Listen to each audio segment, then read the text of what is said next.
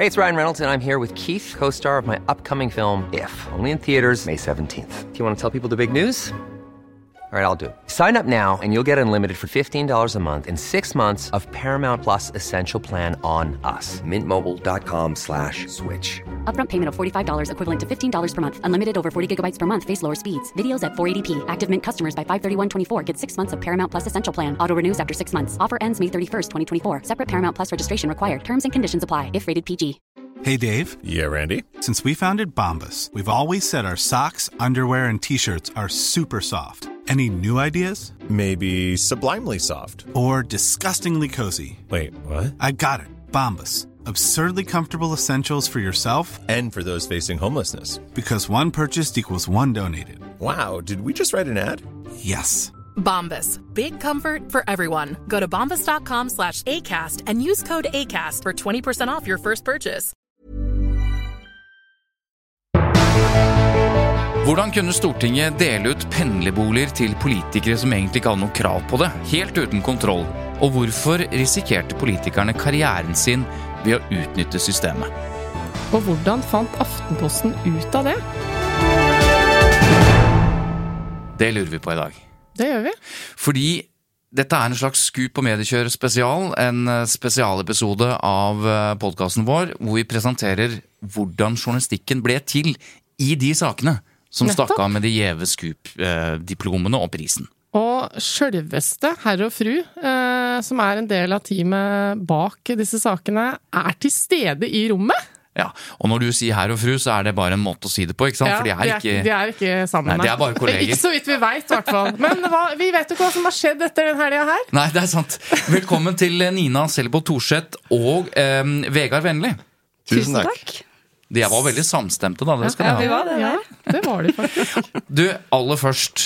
Um, hvordan er det å vinne selve Skup-prisen?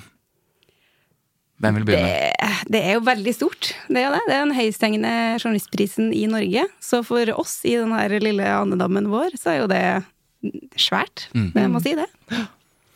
Absolutt, det er kjempegøy. Det er en anerkjennelse av eh, et, et løp som har vært helt fantastisk å jobbe med i et halvt år. Så det Men har dere, eh, har dere vunnet noe før?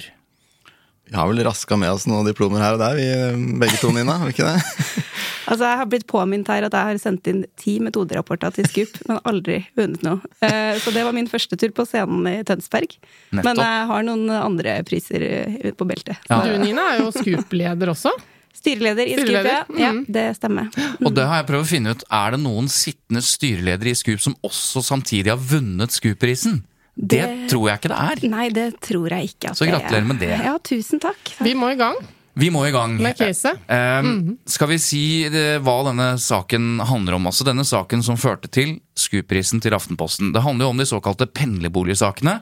Det som startet med gutterommet til Kjell Ingolf Ropstad, leder i KrF, eh, og som ikke stoppa før det var en slags fullblods stortingsskandale. Etter at Aftenposten da mellom 2017 og 2021 hadde skrevet over 150 nyhetssaker og sendt omtrent like mange innsynskrav til ulike myndigheter.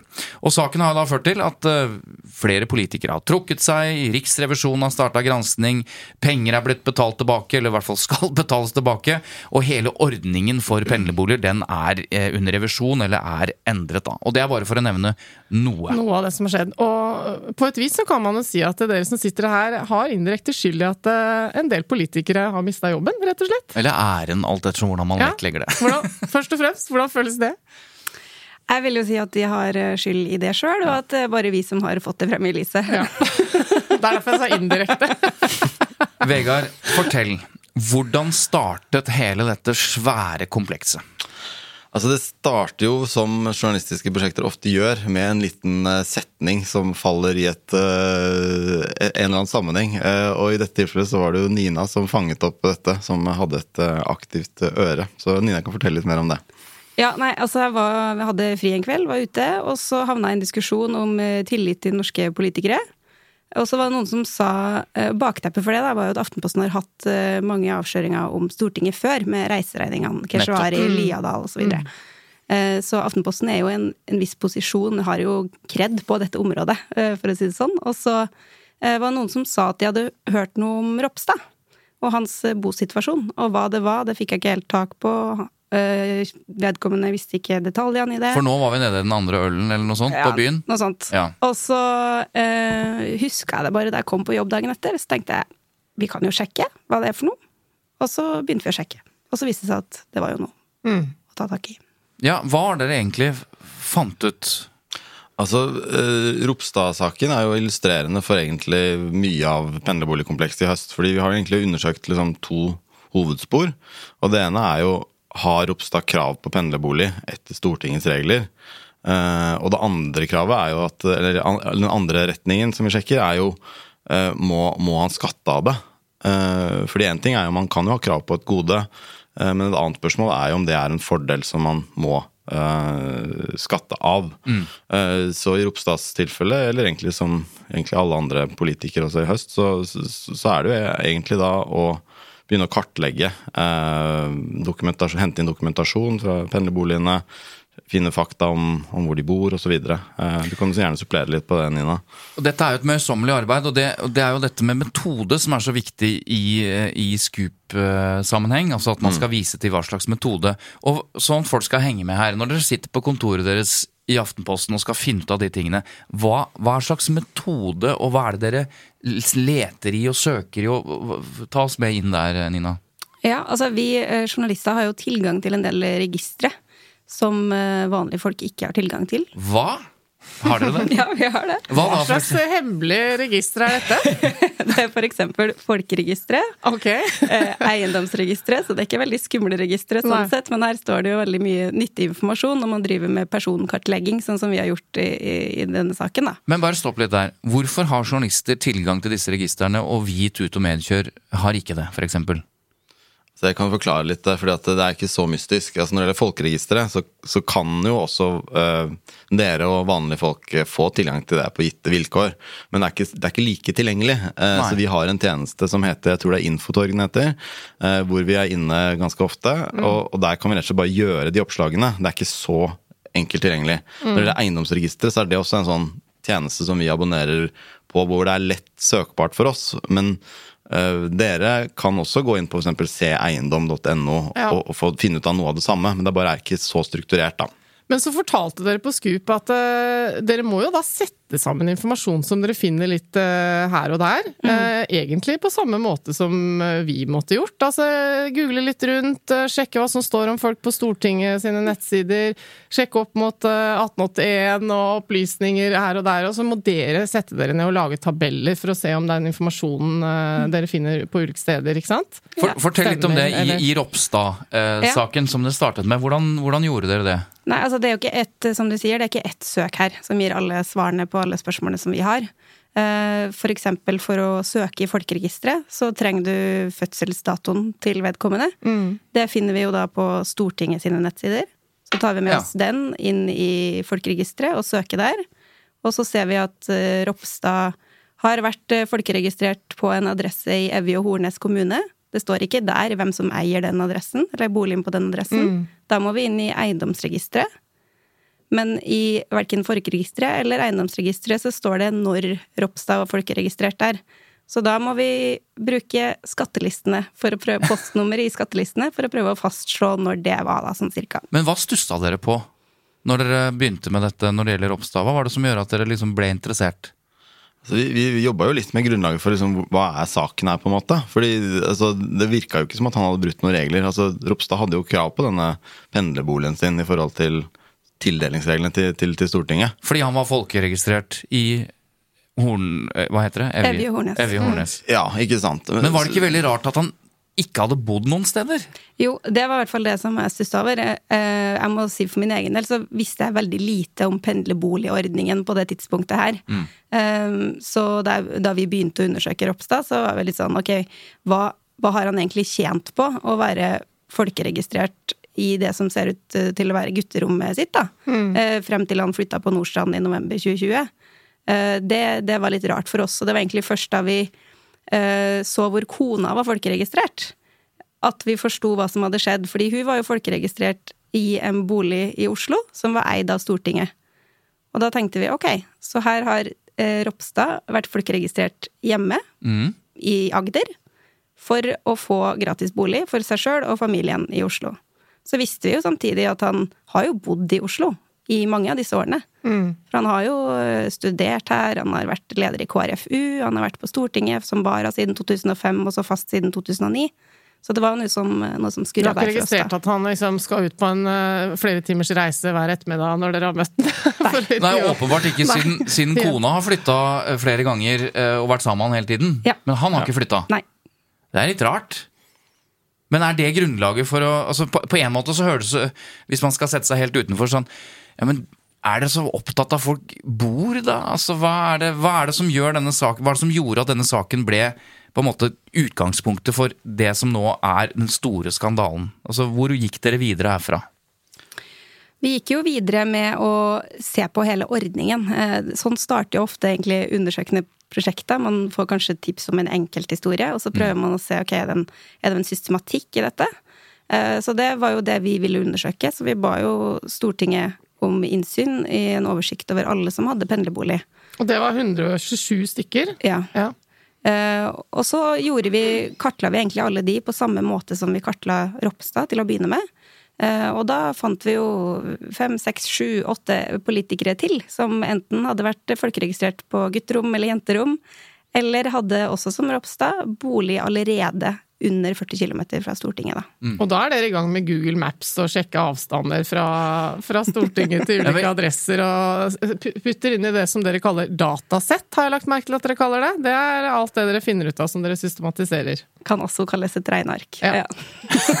Excel, da, med andre ord. Ja. Men, men, men eh, for, fortell, altså når dere da finner ut av eh, at det er flere Det er ikke bare Ropstad. Eh, Det er flere som, som åpenbart dere må sjekke ut.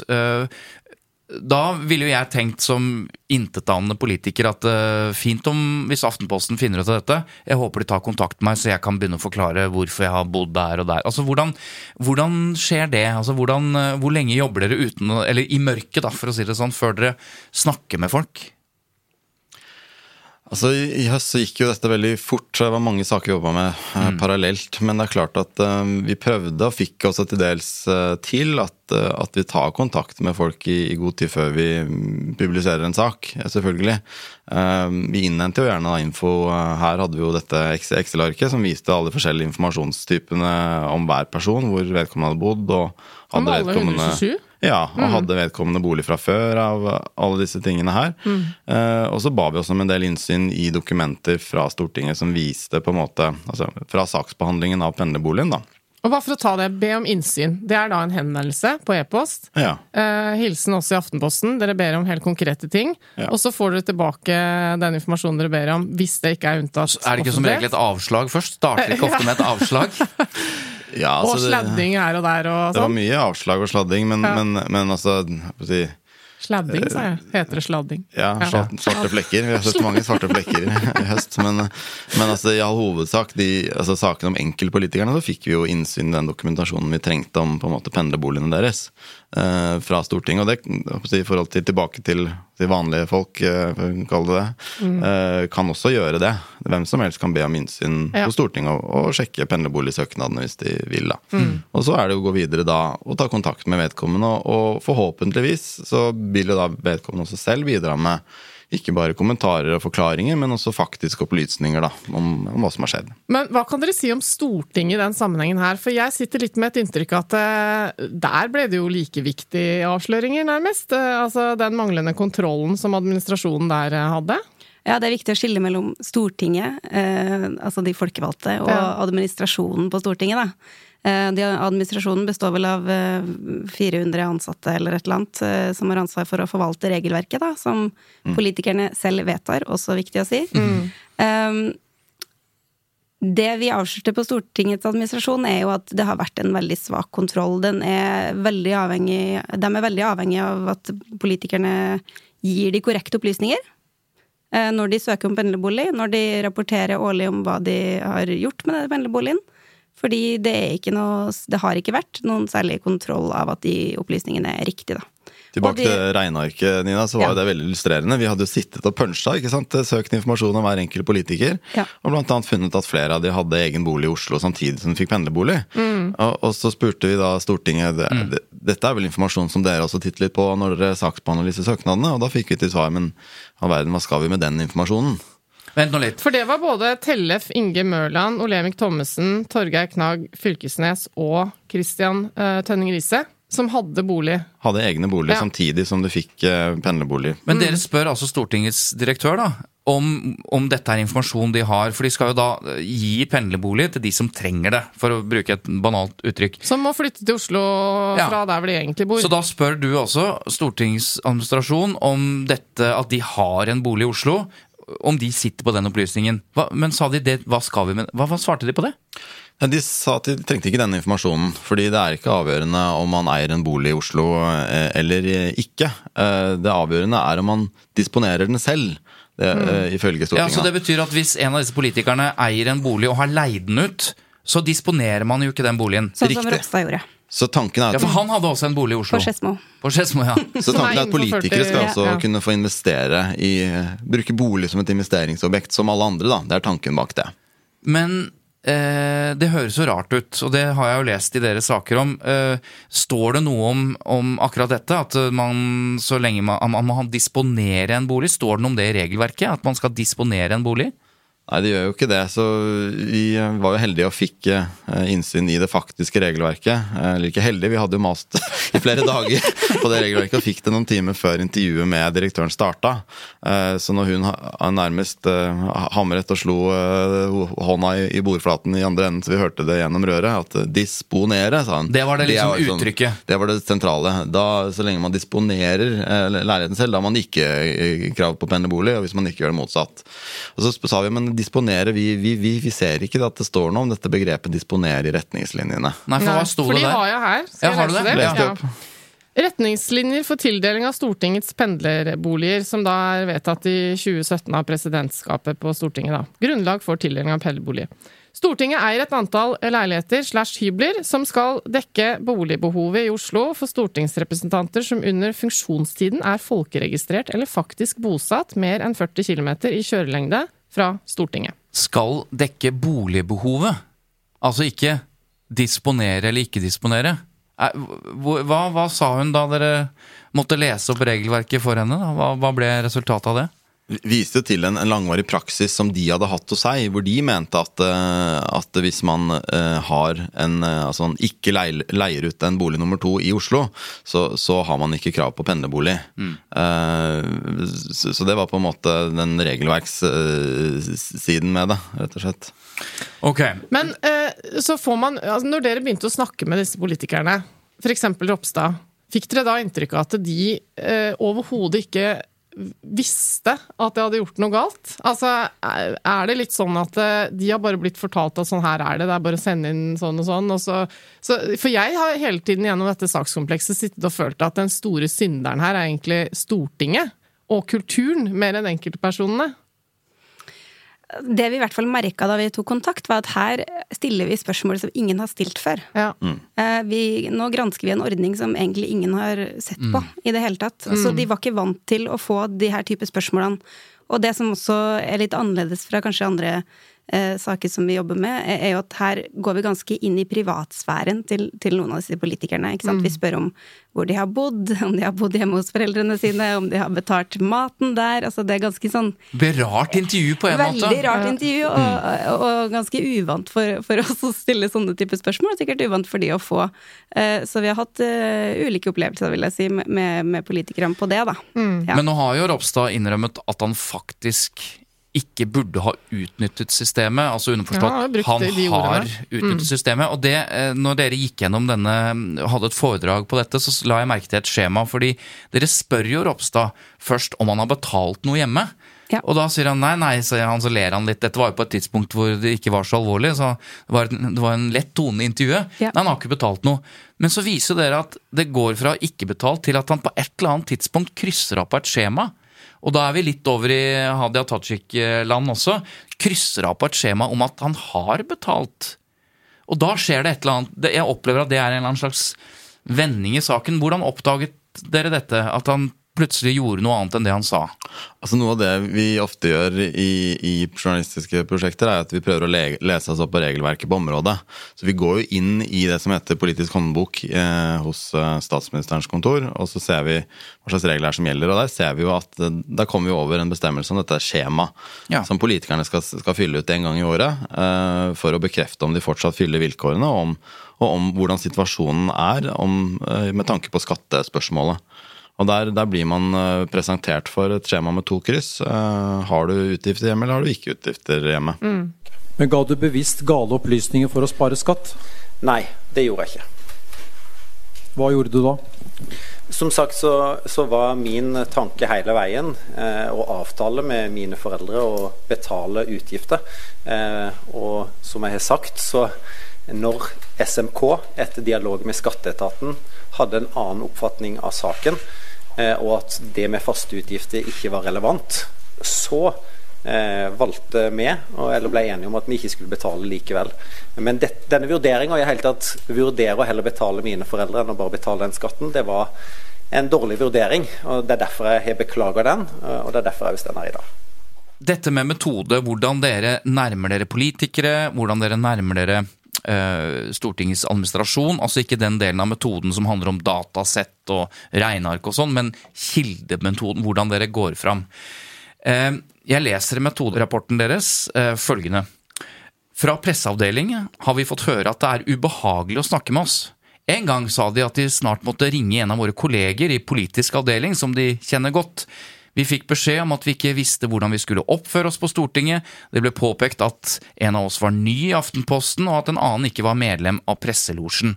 Det toppet seg i slutten av november. Da hadde vi over én uke bedt om intervju med Marianne Andreassen, altså som er Stortingets president. Direktør. Nei, Direktør, for direktør for all del. Avtalen kom først i stand etter at gravesjefen i Aftenposten da tok en telefon. Lederen vår fikk da beskjed om at, fra Stortingets administrasjon om å sende noen hyggelige reportere. Det var en fordel med journalister som sitat, 'som skjønner Stortinget'.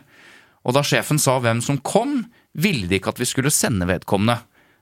Altså, dette er jo også utfordringer man, uh, man støter på, for dere er ikke en del av liksom, de vanlige uh, stortingskorridorpolitikerne. Dere sitter på et annet mørkt rom i Aftenposten og graver fram ulumskheter. Men fortell, hvordan var dette å møte denne type skal vi si argumentasjon da, eller motstand? Det er jo ikke helt ukjent for oss. eh, Og jeg, jeg vil nok påstå at vi er ikke så fæle som, eh, som det kanskje kan høres ut som. Men det som kanskje er ubehagelig og skremmende for, for mange, det er at vi er eh, rolige og stiller veldig direkte spørsmål eh, om hvordan ting egentlig henger sammen. Eh, Og det kan nok være uvant. Mm. Uh, og, og for så vidt ikke noe nytt i forhold til det vi møtte på Stortinget. Vi er jo vant med at, at det kan oppleves som ubehagelig. Men det er klart at vi har jo gjort oss noen refleksjoner rundt det at at, det, at vi ble møtt sånn på Stortinget. Jeg syns jo egentlig den eh, beskrivelsen du leste opp nå, den, eh, den bekrefter jo litt den der eh, følelsen jeg har hatt om at dette er en kulturgreie som har eksistert lenge. Og så når det da kommer noen og stiller helt sånn ordinære, objektive spørsmål utenfra med et annet perspektiv, så blir det litt sånn Nei, men dere skjønner Det er bare sånn her det er. Og det er liksom det det vitner om. Nina, hvem av dere var den ubehagelige?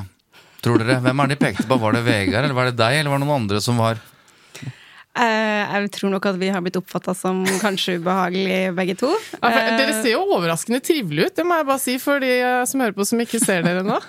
Men jeg kan jo også forstå at det oppleves som ubehagelig. ikke sant? Fordi Ja. at her har de nok også kjent på at vi har pirka borti et område som, mm. som de kanskje har litt dårlig samvittighet for. da. Ja, Men la meg, fordi det er en liten kjepphest for meg, allikevel problematisere dette litt. Grann. Fordi i andre Scoop-rapporter, ganske f- eh, så flere, så er det eh, en gjennomgående, eh, ikke akkurat i denne type saker kanskje, men i andre saker, at eh, det å være høflig, det å være, vise respekt, det å vise profesjonell empati, det å bruke tid og være eh, på godt folkelig norsk veldig, veldig hyggelig og respektere de man skal snakke med, det gir uttelling. Altså det, det gjør at man får informasjon som man ellers ikke ville fått. Ikke på en manipulativ måte, men fordi folk stoler på deg. Og så tenker jeg Noe av det som har vært problemet mener jeg, til mange journalister, er at man har en eller annen følelse av at man har rett til noe. Man har rett til å stille spørsmål, man har krav på innsyn, man har sånn. Og i den på en måte, skal vi si, den følelsen av det rettskaffende og den oppgaven man går inn i, så kan man risikere, eh, mener jeg, å opptre unødvendig ubehøvla. Eller i hvert fall opp... Altså, ikke det dere snakker om nå, at det er ubehagelige spørsmål, men at dere som journalister, og jeg sier ikke dere nå konkret, men jeg mener at flere journalister har oppført seg eh, på en måte som, eh, som både gjør at man mister noe informasjon, men også rett og slett rent etisk sett ikke opptrer etter sånn som man bør. da. Det hvert fall min lille refleksjon, og når jeg leste dette, så, så tenkte, jeg, tenkte jeg litt på det. Kan dere reflektere litt rundt akkurat den måten å opptre på som journalister? Altså det er jo klart at I møte med de vi skriver om særlig, så er det jo eh, noe vi etterstreber å være så rolig som mulig. Altså at innholdet i det vi skal spørre og konfrontere politikerne med, f.eks., er eh, så sterkt og krevende for dem å stå i at det er på en måte mer enn nok om vi, de i tillegg ikke skal som også forholde seg til en, en form som er si, ubehøvla. Så, Mm. så, så, så jeg mener nok at vi har vært saklige og ordentlige hele veien. Men det er klart at det du peker på i forhold til føle- følelse av rettskaffenhet og urettferdighet når man ikke får svar, er helt reell. fordi at eh, på Stortingets administrasjon, eh, for å illustrere dette altså Vi har skrevet over 150 artikler eh, om pendlerboligene. Eh, ikke en eneste gang har vi fått snakke med noen fagpersoner i, i Stortingets administrasjon. Sånn at det, det vi møter, er da eh, en vegg med kommunikasjonsrådgivere eh, som, som mener at den beste måten å håndtere eh, henvendelsene eh, fra Aftenposten på, det er at vi skal sende skriftlige spørsmål inn til de, og så skal de være et filter videre inn i administrasjonen, skal de komme tilbake til oss, og så er på en måte, blir vi på en måte Vi må da bare forholde oss til de én og to og tre dager og mase på at svarene kommer. Mm. Eh, det er jo ekstremt frustrerende. Og Altså jeg kjenner som kommunikasjonsrådgiver sjøl at jeg blir provosert av det direkte, men det kan vi eventuelt komme tilbake til. Ja, men, men- men ja. Nei, altså underveis i denne saken her, så, for nå snakket vi om 40 km og hvor er hjemstedsadressen og sånn, så kom jo skatt inn i bildet. Og jeg tenker eh, i forhold til eh, Røpstads fall, da. Eh, vi, altså, dere sier eh, i presentasjonen deres at eh, vi visste at Stortinget ikke hadde trukket Ropstad i skatt for pendlerboligen. Vi visste at SMK trolig skulle ha gjort det, fordi Ropstad hadde sagt at han ikke betalte foreldrene for å bo på gutterommet. Og så hadde dere noen hypoteser. Bare fortell videre hvordan dere surra inn disse altså for, det, for meg, som observerte disse sakene, så var det liksom Først var det om de var registrert hjemme, og så var det om de hadde bodd andre steder, og så var det om de hadde betalt skatt. Så, så jeg satt jo litt med følelsen av at det liksom, her graves det fram bare for å til slutt få noe som de kan felles på. Nå har jeg lest rapporten, jeg skjønner at ikke det var helt sånn, men man får litt det inntrykket hvis man bare registrerer alle disse sakene underveis. Jeg tror jeg skjønner hvorfor det blir sånn, og det var fordi at alt det her skjedde løpende. Altså, Vi hadde ikke alle svarene da vi publiserte den første saken. Nei, ikke sant? Så vi, vi fortsatte jo å grave etter at vi hadde publisert den første saken om Ropstads gutterom. Mm. Eh, og så tok det jo litt tid før eh, vi fikk egentlig hull på den her skattegåten, da. Eh, som viste at eh, Stortinget høyst sannsynlig har praktisert skatteloven feil i veldig mange år, og ikke trukket politikerne i skatt når de skulle ha gjort det. Ja, for SMK hadde fulgt reglene Ja, riktigere. Det var egentlig der vi, det var der vi forsto at vi hadde en sak. Fordi Ja. at vi, vi så at SMK hadde én praksis, Stortinget hadde en annen praksis. Mm. Eh, en av de må ta feil, Mm. nødvendigvis. Og det er litt viktig som Nina sier nå, at det er, jo, det er jo det systemiske vi er interessert i. Vi er interessert i å sjekke hvordan fungerer disse reglene. Bør de, er det huller her som bør tettes? Eh, og hvordan slår dette ut i praksis? Vi har jo ikke noe, noe mål for øye om å, å, å felle noen. Eh, det er ikke noe mål i seg selv for oss. Altså, jeg har tenkt på det mange ganger selv, at jeg er ærlig talt litt sånn der lei av den derre 'noen må gå'-psyken. Altså, Ja. Vårt fokus er ikke der. Nei, men det er fint at du sier det, for at jeg skal være helt ærlig på at jeg har hatt det inntrykket. At journalister eh, har en sånn, et sånn hemmelig rom innerst i redaksjonen, hvor de har sånn tavle, hvor de liksom lager streker. på Men jeg kan jeg kan- Kan jeg bare si ja. noe til det? Fordi Mm. at eh, jeg fikk også Vi fikk jo gratulasjoner, ikke sant, etter at Ropstad hadde gått. Og det syns jeg var veldig rart. Ja. F unnskyld, fra hvem? Nei, fra sånn utenforstående, da. Ja. Ikke fra Ikke fra sjefen. Ikke fra sjefen. Nei, nei, absolutt ikke fra sjefen. det. Eh, eh, det det syns jeg var litt rart, for det var overhodet ikke noe sånn jubel Nei. eh, i redaksjonen men det øyeblikket han går på den talerstolen og sier at han trekker seg. Nei. Eh, Det er jo en stor menneskelig kostnad ved det. Mm. Og det har vi jo, det Ja, forstår men, vi. men det er, logikken i en metoderapport og vurderingen av et scoop-case og sånn, er jo også har journalistikken fått konsekvenser? Og da er man jo nødt til å, til å poengtere nettopp det at eh, noen måtte gå på et vis, da. Eller? Men det er det jeg lurer på nå. For først skal jeg bare Etter å ha lest mange Scoop-rapporter, så er det faktisk mitt inntrykk. Det er at de som jobber med saken, de behandler enkeltsaker på en måte. Altså helt konkrete enkeltsaker. Vi skal jo snakke bl.a. om eh, VGs sak om, om denne psykiateren som holdt på i Ja. fire tiår. Eh, det som ble utviklingen av denne saken, den største avsløringen der, var ikke nødvendigvis bare om enkeltsakene, men systemet som tillot at psykiatere og psykologer eh, kunne forgripe seg, kunne begå eh, forferdelige handlinger, og så få tilbake en Mm. Det tar vi neste autorisasjon. episode, Jo, men poenget er at det som jeg oppfatter Aftenposten har avslørt primært, er jo et, en fundamental systemsvikt. Som har ført til at noen har måttet uh, Ja. gå og sånn. Men Ja. den kan, vi bare da avslutningsvis, for det er jo det metoderapporten, på en måte malen der, er at det skal fortelle hva dere har avslørt, og hva slags konsekvenser som du var inne på, Eva. Og de konsekvensene handler jo ikke bare om at folk må gå. Hva er liksom de viktigste konsekvensene Ja, av det dere fordi har Nå må vi bare også minne folk på at Ja. dette ble jo Eva Kristin Hansen. Det ble jo Hadia Tajik etter hvert, eh, så dette er jo veldig mange politikere som har vært involvert i saken, for alle de som har ligget under en stein i noen uker Ja. og glemt hele greia. Men hva var konsekvensene av disse 150 reportasjene? Altså, De mest synlige er jo at det er iverksatt politietterforskning. Uh, skatteetaten gransker eh, sakene. Eh, det er altså satt ned egne utvalg fra Stortingets side som skal vurdere om regelverket er hensiktsmessig, om man skal organisere seg på den måten, om f.eks. om det skal være mulig å, å eie en bolig i tillegg i Oslo i tillegg til at man får pendlerbolig.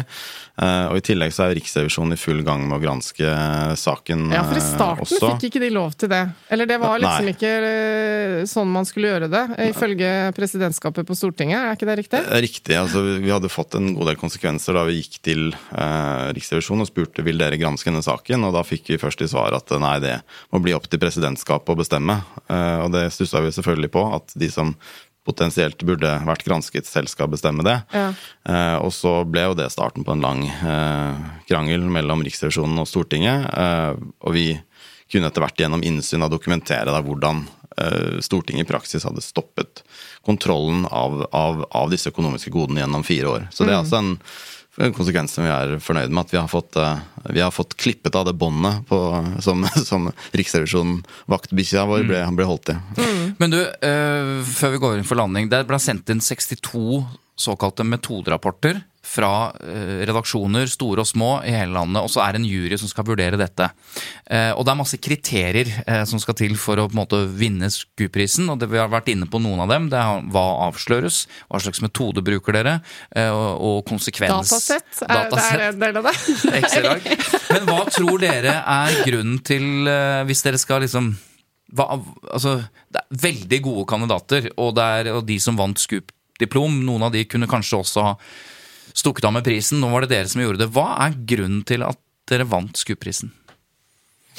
Nei, det er vel eh, Det er klart at konsekvensene er jo ikke De er jo store, det er ikke til å komme fra, fra det. Eh, Men, men altså, i begrunnelsen så er det jo, trekker vi jo fram, eh, fram det systematiske arbeidet som vi gjorde i, i starten. ikke sant? Altså Kartleggingen, det at vi kom oss rundt. ikke sant? Nina hadde det geniale trikset med å fi, fi, finne ut det med hvordan vi kan få, få litt, litt historikk fra, fra folkeregisteret ved å titte på historiske skattelistedata. Det er, eh, det er jo en sum av flere, flere ting. da. Hva du tenker Nina? Nei, jeg syns jo det er vanskelig å svare på det sjøl. Det var jo veldig mange sterke kandidater, som du sier. Mm. Men vi har jo utvikla en metodikk på Ropstad som vi har klart å gjenbruke videre på absolutt alle på Stortinget. og- Som ble en slags mal på hvordan dere jobbet? Ja, det ble, en, Mm. det ble en slags mal som ble veldig effektiv. Eh, Vi har eh, noen nye triks eh, som juryen alltid setter pris på, tenker jeg. Også, men så er det jo ikke alltid sånn at det er den, den største saken, den største avsløringen som vinner. Det er jo en metodepris, det her. Så det, det tar vi jo til oss. Det, Mm.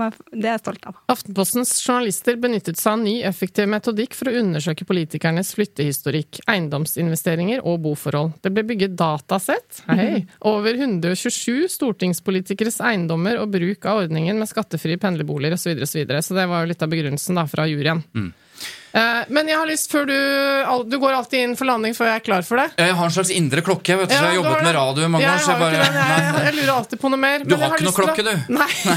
Jeg har lyst til å spørre, er det noe, jeg håper å si, en liten god historie, noe juicy, et eller annet fra dette arbeidet her som dere kan fortelle oss? Noe som er litt gøy? En liten et eller annet eh, Dere ringte sånn og sånn. Noe som ikke dere har stått om i avisen, som vi kan få høre fra dere nå? Ja, jeg tror kanskje jeg har en. Ja. Vi, var, em, vi, had, vi drev og lurte på hvor de her pendlerboligene egentlig lå.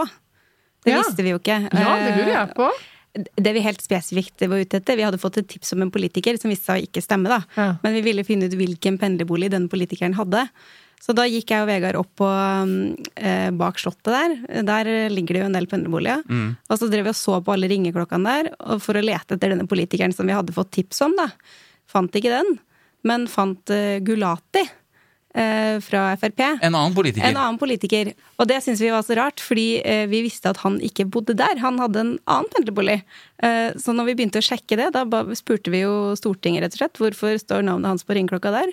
Så viste det seg at Gulati har jo kjøpt en pendlerbolig fra Stortinget i 2014, og nå leier han den ut. Men det står fortsatt navnet hans på ringeklokka. Han leier den ut til Stortinget? Nei, eller? han leier den ut til noen andre, da. Å ja. Det hadde jo vært eh, skikkelig juicy hvis han leide den tilbake til Stortinget som pendlerbolig. Men så han har både pendlerbolig sjøl, og uh, har også kjøpt seg en annen pendlerbolig som han nå leier ut. Så det syns vi var litt gøy. Men bare, altså, da skal vi gå inn for landing. Det er altså 143 fullt møblerte leiligheter i Oslo sentrum som Stortinget eier. Har dere vært inni noen av dem? Nå begynner jeg igjen, jeg. Dessverre. Er det har- fine, liksom? Det jeg. Er det fancy? Ja, det har du. jeg. Har vært på nachspiel i opptil flere av disse pendlerleilighetene. De det, det som er mystisk, de ser ut som helt vanlig leilighet. Oh, ja, det er ikke noen designermøbler og sånn? Nei, altså, det det de er helt er påfallende kjedelige. Ja, okay. Men vet du hva? Igjen, gratulerer med Scoop-prisen for 2021, som det heter. Tusen takk. Eh, og fortsett å være eh, pågående, men høflige. Grav, sett sammen datasett, og du verden. Dette er jo noe av det viktigste dere, eller journalistikken kan by på. Og det er sånn også journalistikken blir til, ved denne nitidige arbeidet. Og i tillegg til dere to da som sitter her, så er det altså Sigrid Gausen, Henning Kari Ekerøl, Åshild Langeved og Robert Gjerde som er med på dette teamet som Ja. vant denne gjeve-prisen. Og det hadde ikke vært mulig uten dem. Nei. Som de sier i takketalen. Og, og gravesjefen vår, Tonje Gedius. Riktig. Som måtte ta en! Nei, ja. Som måtte ta en ekstra telefon til blant annet til Stortinget når det ble alvor.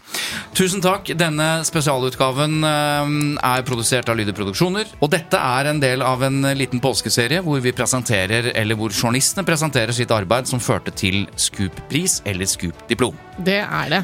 Fortsatt god påske, kan vi vel si da. God påske, Svein Tore. I like måte, Eva.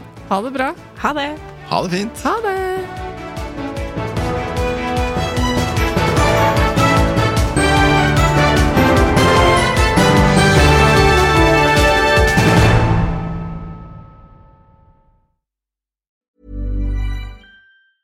Hi, I'm Daniel, founder of Pretty Litter. Did you know cats tend to hide symptoms of sickness and pain? I learned this the hard way after losing my cat, Gingy. So I created Pretty Litter, a health monitoring litter that helps detect early signs of illness by changing colors, saving you money and potentially your cat's life. Pretty Litter is veterinarian developed, and it's the easiest way to keep tabs on your fur baby's health right at home. Go to prettylitter.com and use code ACAST for 20% off your first order and a free cat toy. Terms and conditions apply. See site for details. Hey, it's Paige DeSorbo from Giggly Squad. High quality fashion without the price tag. Say hello to Quince.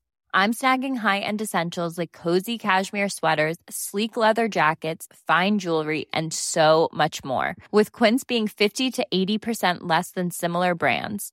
And they partner with factories that prioritize safe, ethical, and responsible manufacturing. I love that. Luxury quality within reach. Go to quince.com slash style to get free shipping and 365 day returns on your next order. Quince.com slash style.